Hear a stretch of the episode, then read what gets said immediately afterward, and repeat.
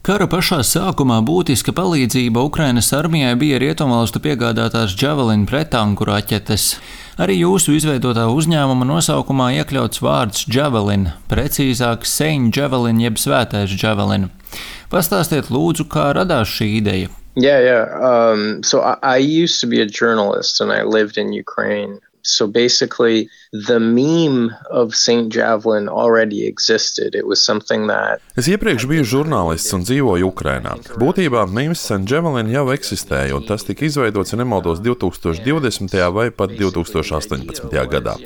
Ideja ir tāda: Ukrāņi vienmēr ir vēlējušies Javelin, jo tā ir visattīstītākā pretanku raķešu sistēma pasaulē. Viņi zināja, ja Krievi iebruks, kā tie to šogad izdarīja, viņiem vajadzēs daudz pretanku raķešu. Un Ukrāņi zināja, ka Krievijam ir daudz tanku, un tāpēc vajadzēs daudz šo raķešu. Bet šis mīmīms eksistēja tikai ļoti šaurā cilvēku lokā, tādu, kas cieši seko karam, piemēram, žurnālistu un analītiķu lokā. Kad sākām St. Javelin, es vienkārši vēlējos savākt 500 dolāru. Nebija nekāda liela plāna vai stratēģijas, bet es domāju, ka cilvēki pievērs uzmanību, jo mēs eksistējām vēl pirms sākās karš, un cilvēki jau dzirdēja par potenciālo iebrukumu un vēlējās kaut kādā veidā atbalstīt Ukrainu. Un šajā brīdī lielas organizācijas, kam jūs ierasti ziedot, nekam nebija gatavas. Lielākā daļa cilvēku negaidīja, ka Krievija būs tik traka, lai ko tādu īstenotu, bet mēs ticējām un mēs jau pastāvējām. Un cilvēki saprata, ka ir daudz lietu, kur ziedot, bet ar St. Javelin tā īsti nav ziedošana. Tu kaut ko nopērci, un cilvēki vēlējās to nopirkt, jo vēlējās parādīt, ka atbalsta Ukrainu, valkājot krēklu, uzlīmējot uzlīmu uz mašīnas vai laptopa. Tā kļuva par lielu cilvēku kopienu, kas atbalsta Ukrainu un vēlas parādīt savu atbalstu. Viņi zināja, ka nauda nonāk pie tiem, kurus visvairāk ir skāris karš people who were most affected by the war. Es pieļauju, ka populārākā prece ir tēkrakls ar jaunavu Mariju, kurai rokās ir Javelin raķete. Kāpēc radās ideja izmantot tieši šādu attēlu? So it's it's funny because I thought it was Mary Magdalene because Tas ir smieklīgi, jo es pats domāju, ka tā ir Marija Magdalēna. Esmu katolis, man vecāki piedzima Polijā, bet es nemaz nezināju atšķirību. Patiesībā tā ir jaunā Marija, kas tur Javelin. Pirmkārt, tas ir foršs dizains, savā veidā smieklīgs un daudz daudziem cilvēkiem patīk valkāt lietas, ko pamana un komentē citi. Es nevēlētos teikt, ka tas ir agresīvs dizains, bet tas skaidri parāda, ka tu atbalsti Ukrainu. Ja tu valkā šo kreklu lidostā vai kafejnīcā, cilvēki to pamanīs. Jā, tas kļuva par pārdotāko preci. Precīzāk, kvantitātes ziņā tās bija uzlīmes, bet pārdotākais bija tēkrekls. Šajā karā es domāju, tas ir unikāli, jo vismaz manas dzīves laikā noteikti pirmo reizi labais un ļaunais ir tik skaidri definēts. Visi saprot, ka tas, ko dara Krievija, ir ļauni, un Ukraina šajā cīņā ir maza, tādēļ tai ir nepieciešams viss atbalsts, ko tā var saņemt, un cilvēki izvēlējās izrādīt savu atbalstu, cik vien var. Cik liela daļa no naudas, ko uzņēmums saņem par pārdotajām precēm, tiek novirzīta palīdzībai Ukrainai? Yeah, so to date, we've at the end of this month, which I guess is tomorrow, we will have donated. Līdz augusta beigām mēs būsim ziedojuši kopumā 1,5 miljonus dolāru no preču pārdošanas. Mēs arī esam īstenojuši pūļu finansējumu kampaņas ar tiešu finansējumu partneru organizācijām, bet no pārdošanas tie ir pusotrs miljons. Būtībā, ja pērkat tēkreklu, tad aptuveni 40% aiziet tieši tam atbalstam, ko mēs pērkam. Pēdējo pāris mēnešu laikā tie, piemēram, ir droni. Kopumā St. Javelin peļņa varētu būt aptuveni 3 miljoni dolāru. Mums ir aptuveni 55 tūkstoši pircēji aptuveni 70 pasaules valstīs. Mēs turpinām eksistēt. Daudz cilvēki domā, ka pēc pāris mēnešiem pazudīsim, bet ir pagājuši seši mēneši, un mēs joprojām spējam palīdzēt, kas ir diezgan apbrīnojami.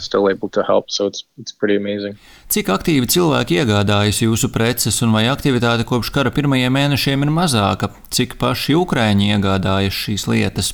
Yeah, yeah. So um, Ukraine represents a very small portion of our sales. However, Ukraina sastāv ļoti nelielu daļu no pārdotā apjoma, bet mēs atvērsim veikalu Kijavā, jo tik tikko bijām izveidojuši pop-up veikalu Kijavā un pirmo reizi pārdevām mūsu produktus tur. Tas tādēļ, ka aptuveni puse no St. Javelinas pilnu slodzi strādājošo kolēģi dzīvo Ukrainā. Četri no viņiem izveidoja šo pop-up veikalu tirgu Kijavā, un atsaucība bija lieliska. Tādēļ nolēmām, ka vēlamies atvērt nelielu veikalu Kijavā. Lietuvā. Jo ir tik daudz cilvēku, kuri prasa, kur šo un to var nopirkt. Mēs arī cenšamies ražot cik daudz vien iespējams preču Ukrajinā, kas ir būtiski un reizē grūti. Bet preču pārdošana tiešsaistē cilvēkiem Ukrajinā piegāžu cenu un sarežģījumu dēļ pat ja tas tiek ražots Polijā, Lietuvā vai citur, ir sarežģīta. Skaidrs, ka Ukrainas ekonomika ir iznīcināta un teikt reklu pirkšana tieši saistē daudziem nav prioritāte. Pārsvarā mēs pārdodam preces Kanādā, ASV un Eiropas Savienībā.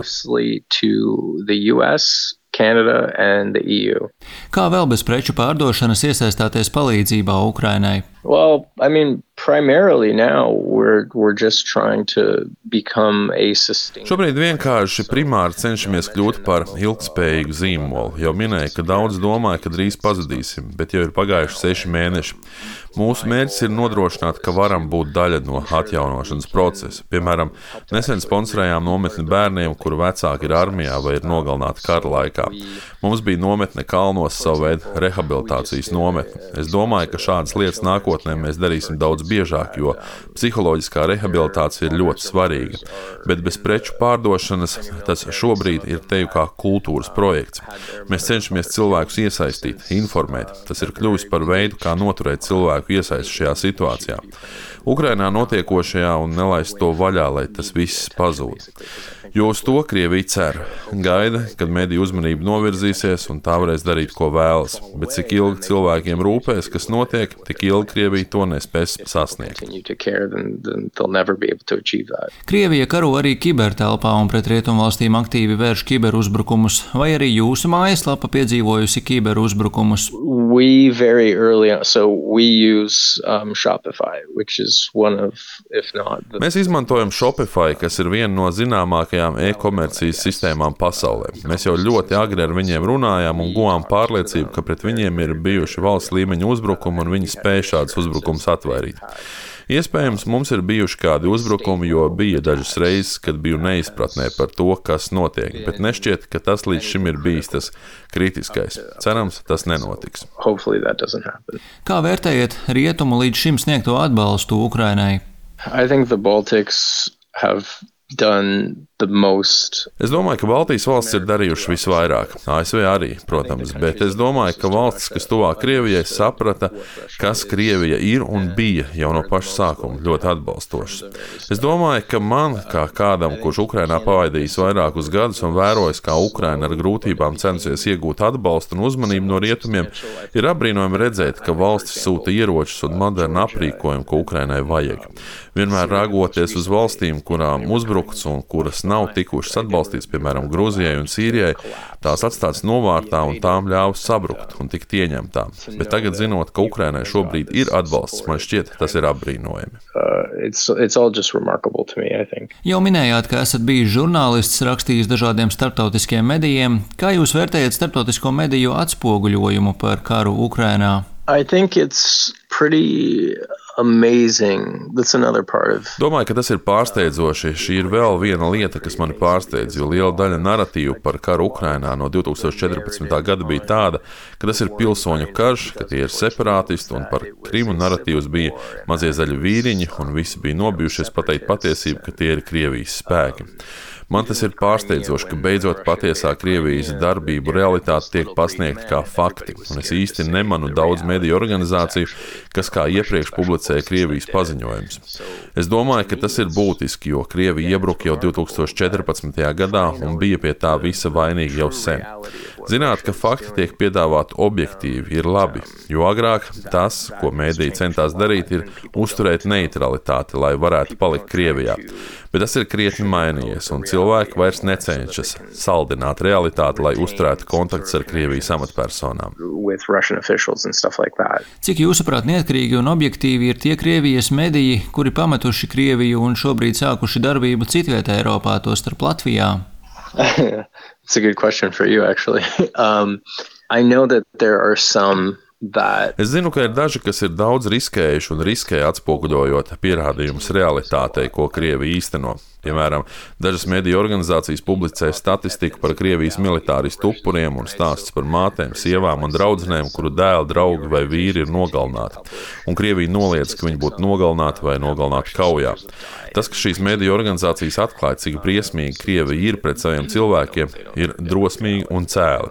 Es nezinu, cik šāda mediju organizācija ir un cik daudz cilvēku Krievijā tās klausās, jo liela daļa skatās valsts televīziju un nezina realitāti un nesaņem patiesos faktus. reality of what Russia's doing to Russians. Jūs vairākus gadus dzīvojāt Ukrainā. Cik labi esat iepazinis Ukrāņu tautu un vai jūs pārsteidzat, cik drosmīgi un veiksmīgi Ukrāņu tauta spēja aizsargāt savu zemi? Yeah, my my dad like both my parents are born in Poland, but my dad's Ukrainian. Abi mani vecāki ir dzimuši Polijā, bet mans tēvs ir Ukrainis un esmu bijis Ukrainā vairāk kārt un tur dzīvojis. Vai biju pārsteigts? Jā, būtībā biju šokēts. Domāju, ka Krievija izpildīja lielisku armijas mārketingu, un visi domāja, ka tā ir otrā spēcīgākā armija pasaulē. Kad karš sākās, es patiesi domāju, ka tas būs kas līdzīgs zibens karam. Es pieņemu, ka tā domāja lielākā daļa, un cilvēki negaidīja to, kas ir noticis. Ir apbrīnojami redzēt, cik bezbailīgi Ukraiņi sevi aizstāv. Šis karš un pretestība ieies vēsturē kā viens no vērienīgākajiem pretošanās panākumiem, ko esam redzējuši vismaz mūsu dzīves laikā. Tas ir neticami, ko viņi ir spējuši. Būtībā Krieviju nogalināja korupcija, jo, cik es saprotu, tad liela daļa militārās nozares bija uzbūvēta uz melu pamata. Redzēt šo korupcijas apmēru bija pārsteidzoši, un domāju, ka tas ir ievērojami palīdzējis. Jūsu tēvs, ja nemaldos, dzīvo Polijā, pilsētā Ukrainas pierobežā. Jūs ar tēvu iesaistījāties arī palīdzībā Ukrainas bēgļiem. Kā tas notika un vai joprojām tēva mājās uzņemat bēgļus? Uh, yeah, he had. Um, so the day that the war started, he, he... Jā, viņš neticēja, ka karš sāksies. Es runāju ar viņu tieši dienu pirms tam. Viņš tāpat kā daudzi citi, ka tā ir vienkārši amerikāņu īstenota baidīšana. Bet dienā, kad tas sākās, daudz cilvēku man rakstīja, ka viņiem ir nepieciešams tikt ārā no Ukrainas. Tad es viņam zvanīju un prasīju, vai viņš var palīdzēt. Viņš palīdzēja organizēt dzīvokļus, kur cilvēkiem palikt un citas lietas un teica, ka pieņems tik cilvēku, cik būs nepieciešams. Pārlūkoja sociālos tīklus, lai saprastu, kam ir nepieciešama pajumte. Būtībā pirmā kara nedēļa man pagāja strādājot pie St. Javelin, bet atlikušo dienas daļu es palīdzēju cilvēkiem pamest Ukrainu un atrast vietu, kur palikt. Es pat nezinu, cik daudzus viņš uzņēma un cik daudziem viņš palīdzēja, bet tie ir vismaz simt cilvēki. Aptuveni trīs vai četrus mēnešus viņa vasarnīcā palika vairāk nekā 20 cilvēku grupa, pārsvarā bērni, cenšoties saprast, ko darīt tālāk. Es neesmu ar tēvu runājis kādu laiku un nezinu, vai kāds vēl tur ir. Kad šie cilvēki nāca no Polijas, plūsma bija liela un pilsēta, kurā viņš dzīvo, bija pirmais punkts, kur viņiem nonākt. Pirms šie cilvēki devās tālāk citvietā Eiropā.